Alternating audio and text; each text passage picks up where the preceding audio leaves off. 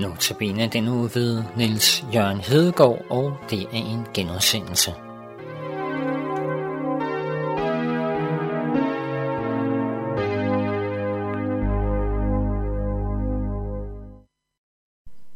Jeg ved ikke, hvordan din hverdag den øh, forløber. Du planlægger noget. Jeg planlægger også noget. Når jeg går ud af døren, så har jeg planlagt nogle forskellige ting. Nogle gange så sker det noget helt andet end det, jeg havde tænkt mig. Øh, jeg skal også på arbejde, og der er jo en vis planlægning i det.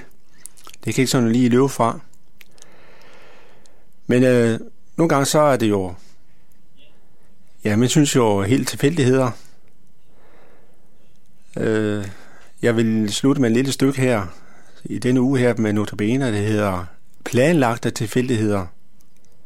Det lyder lidt selvmusigende måske. Sker der ting ved rene og skære tilfældigheder? Selvfølgelig gør der det. Er de ting med i Guds planer? Ja, tror vi på Gud, så selvfølgelig, så er de det. Og men vent nu lige lidt.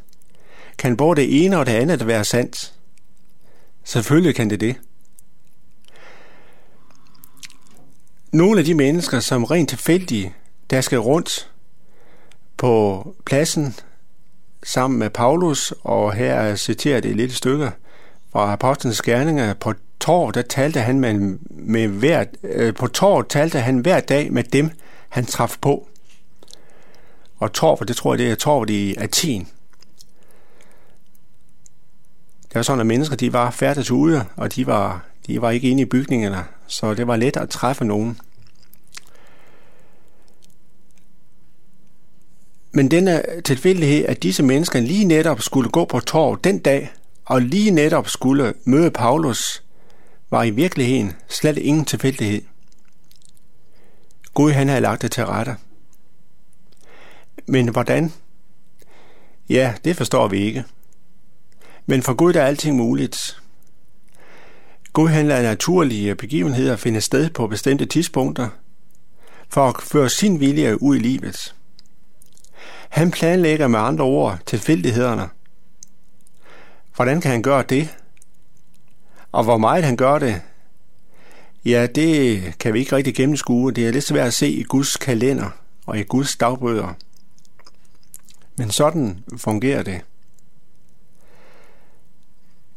Jeg har tænkt nogle gange på øh, uroligheder forskellige steder. Det sætter nogle ting i gang andre steder. Og jeg tror, at det alt sammen er i, i en eller anden form for Guds plan.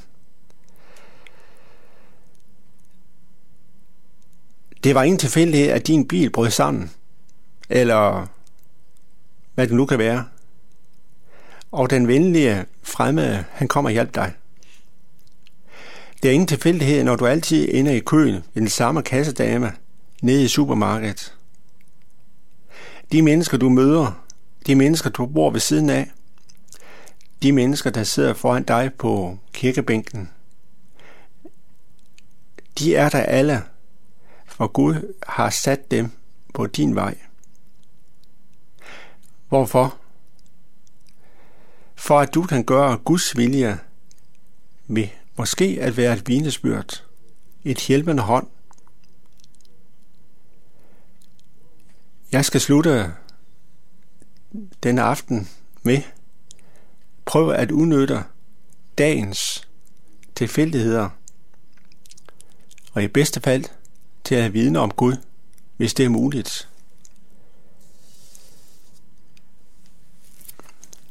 Gud han har styr på det hele, og du er et, en væsentlig brik i det.